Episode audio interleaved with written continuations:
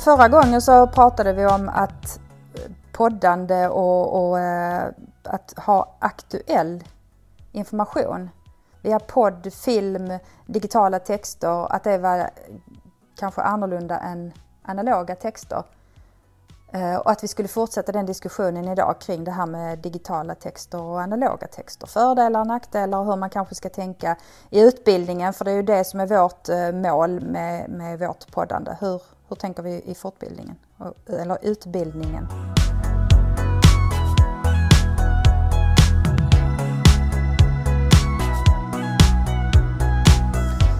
Ehm, jag har faktiskt hittat en text från SPSM, eller på SPSMs sida. Ehm, och den lägger vi länkad i eh, detta avsnittets information. Och den tyckte jag var så bra för att det diskuteras väldigt mycket ute i skolorna idag om vilket som är bäst. Ska det vara digital text eller ska det vara analog text? Och jag tycker inte att det ska vara sådär svartvitt antingen eller utan det ska ju vara när passar vilket. Så jag har letat efter en massa forskning och jag har släppt eh, ett tidigare avsnitt själv där jag reflekterar kring detta och hade hittat en, eh, en rapport som då var svensk. Eh, för det tycker jag är viktigt när vi läser vår forskning att fundera kring är den baserad på svenska förhållanden eller liknande förhållanden? Och när jag nu hittade den här texten på SPSM så tyckte jag det var så bra att den då utgår från en norsk forskning och den norska utbildningen tänker jag är någorlunda likvärdig med den svenska. Jag tog faktiskt och skickade ut den till skolledarna på mitt område som eh, gav mig feedback att de tackade för detta och tyckte det var jättebra att ha ett underlag för vidare diskussion. För det är inte så att den här texten ger ett svar på vilket som är bäst utan den bara ger hur man kan tänka och vad man bör diskutera.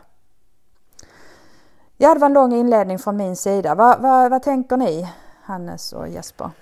Spontant så tänker jag att eh, det ofta i debatter som jag har sett så, så är det liksom antingen eller. Man pratar om den, den analoga texten om man pratar om de, den digitala texten. Eh, och så tänker jag på min blivande svärson då som eh, läste på högskola. Och när han läste då satt han med datorn framför sig. På datorn hade han då boken. Eh, så han såg texten och det markerades men han lyssnade ju samtidigt på den. Så att han läste ju digitalt med både ögon och öron. Och ibland så läste han böcker och lyssnade eh, om vartannat. Vissa delar så läste han för han orkade läsa så mycket så han inte orkade läsa på papper så länge så, så att han lyssnade. Så för honom var det all, aldrig antingen eller utan för honom var det att hitta rätt, rätt eh, sätt, rätt kanal vid rätt tillfälle. Och det olika eh, om man var trött i huvudet så, eller om han var dåligt ljus eller om hur han mådde eller hur texten var formulerad så valde han rätt sätt att ta till sig texten.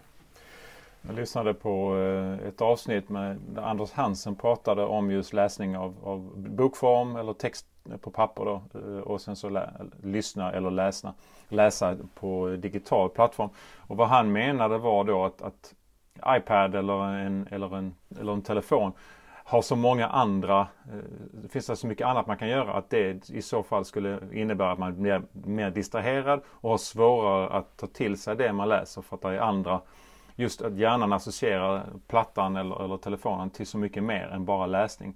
Men att telefonen har, eller förlåt, en bok har egentligen bara ett ändamål. Eh, och det är ju att, att läsa texten. Eh, det, det, är en intressant aspekt som jag funderar på och då, då finns det ju såklart i, i i det arbetet vi jobbar att, att man kan till exempel ställa in att det inte går att göra någonting annat på en läsplatta just nu. Att just nu kan du bara läsa. Om det hade varit ett sätt att underlätta för dem och kanske lättare för dem att ta till sig det som är skrivet. Men också an, andra saker. Om man tittar på forskning. Nu har det gjorts forskning ett tag. I England var det en rapport om att det var sämre att läsa digitalt. Men de jämförde bara läsa på en skärm och läsa i en bok. jag, jag, tycker inte att det är rättvist att jämföra det för att det finns funktioner som kan, kan finnas i den digitala som saknas i den analoga. Till exempel att man kan markera någonting och, och, och få synonymer eller förklarat vad orden betyder. Du kan anpassa texten till att bli större, mindre, svart bakgrund, eh, annan typsnitt. Du kan eh, markera och göra en kommentar. Det finns många funktioner som kan gömma sig i det digitala som kan förhöja eh, dels upplevelsen men också fördjupandet av kunskaperna. Jag har sett i exempel där man markerar en text och sen gör man ett flippkort av den texten man har markerat. Det kan man ju inte göra lika lätt med en bok. Då behöver man ha ett papper bredvid. Så att jag, utan att hamna i den ena är bättre än den andra så finns det många saker man kan göra med den digitala som jag tror kommer utvecklas mer och mer. Att vi ser att vi kan använda tekniken till mer än bara se det som en digital text likt en pdf eh, och det analoga. Att, att vi tar del av de funktioner och de hjälpmedel som också finns i det digitala. Ja, vad är det vi har sett här nu då? Eh, då tänker jag att som som lärare så behöver man fundera över när ska man använda vilket? Och för att eleverna också ska ha en valmöjlighet så behöver man som lärare presentera olika sätt att läsa, lyssna eller digitalt eller alltså olika sätt så att eleven själv kan välja och det är inte så att eleven alltid kommer att välja samma utan det är beroende på stunden vad man just då föredrar. Men att man också lär ut de här olika teknikerna som du pratar om Jesper, att man till exempel kan sätta på större e-läge eller låsa ner skärmen så att man bara gör det man ska göra på skärmen. Alltså här behöver vi massor med strategier som lärarna behöver känna till och kunna i hur man läser digitalt så att det gynnar en på bästa sätt. För det går inte att bara säga digitalt är bäst eller analogt är bäst. Utan när, ibland är analogt bäst, ibland är digitalt bäst, men för olika tillfällen och på olika sätt. Vi har ju ägnat alla år att lära oss att läsa i böcker. Och sen kommer texten i en annan form och då blir det helt plötsligt eh, att man själv ska lära sig och läsa. Det är inte bara själva bokstäven utan det är ju någon, någon har ju lärt att man, man börjar i ena änden av boken och så bläddrar man åt ett annat håll och så läser. Men jag försöker komma fram till att, vilket du också var inne på Anneli, att, att vi egentligen borde med den lektionen, ja vi ska läsa en Gamla havet. Här har ni pocketvarianten med lite strävt papper så lite obehagligt att hålla i. Uh, nu ska vi läsa uh, Strindberg, ja det gör ni digital text här. Och nu ska ni läsa eh, Den gamla havet eller nej, någon annan bok. Eh, så. Ja, den ska ni läsa eh, som en ljudbok. Att man lär sig de olika sätten att läsa. Det tror jag vi behöver fundera på om vi inte skulle införa. Men vad är det som gör att vi inte kan undvika det digitala helt och hållet när det gäller just läsningen? Varför kan man inte ha bara pappersläsning, eh, böcker som på den gamla goda tiden? Varför kan man inte det i undervisningen idag? Jag, jag, tror det beror på att vi, vi är på väg. Den diskussionen vi har i Lund och, och, och de, det, det, vi ser vart vi är på väg det är att nästan allting blir digitalt nu. Vi har ju digitala läromedel. Men där tittar vi på digitala läromedel som kan tillföra mycket mer än, den, än läromedlet var tidigare när det var tryckt. Så då är det ju inte bara att läsa utan då finns det kanske video, det finns kanske möjligheter för lärarna att se var eleven befinner sig. Där finns frågor man kan besvara, det finns samarbetsmöjligheter med andra. Och sen även lägga till då möjligheten att koppla på AI. Där läraren redan tidigt kan se om en elev har svårigheter eller fastnar eller undviker någonting och snabbt fånga upp eleven precis på den nivån där de befinner sig. Det kan, ju, kan man ju inte som lärare, eller det är väldigt svårt för en lärare att kunna göra det när en elev har en traditionell, traditionellt läromedel.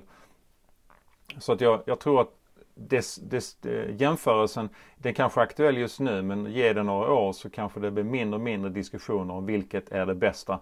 För vi kommer att få mer och mer och mer av det digitala och mindre av det analoga.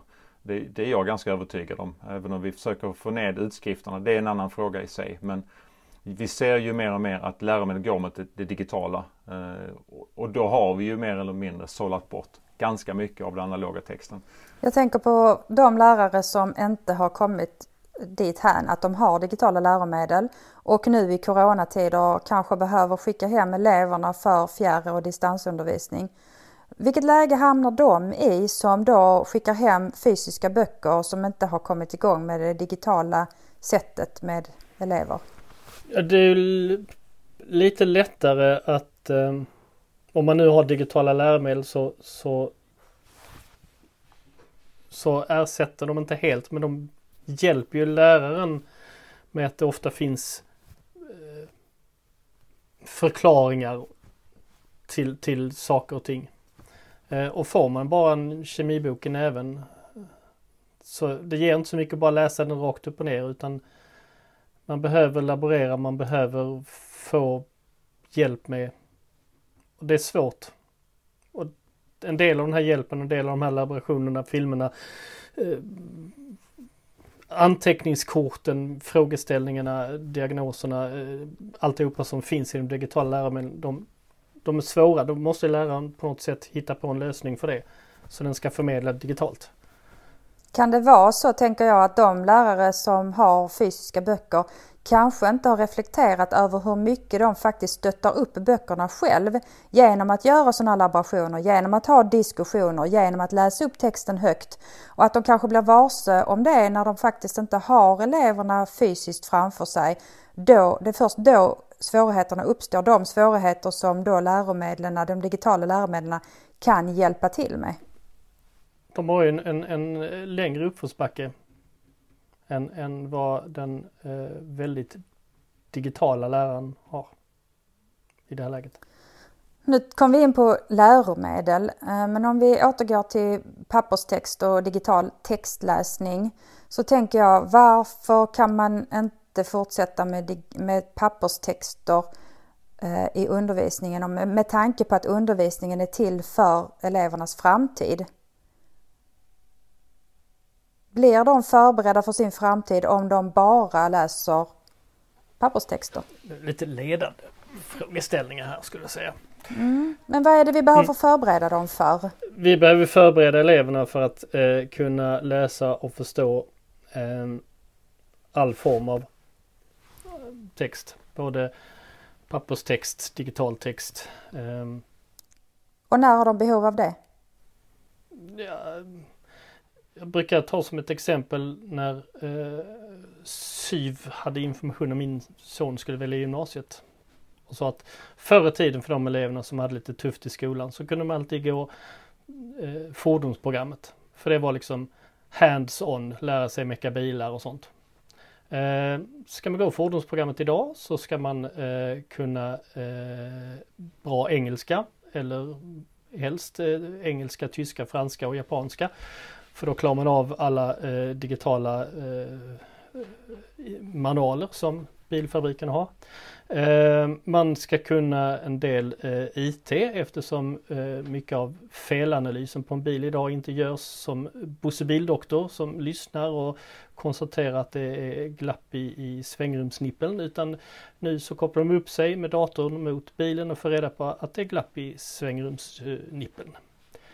Ehm, så att de, de, det finns inte så mycket utvägar utan allting idag kräver egentligen, nästan alla jobb idag kräver eh, någon form av digital kompetens eh, och kunna tillgodogöra sig text både i pappers och digital form, analog och digital Ja, och jag tänker att nu pratar vi ju kring grundskola eftersom det är där vi verkar eh, och när vi släpper våra elever så är det oftast inte så att de går till någon, något yrke direkt utan de går via någon fortbildning.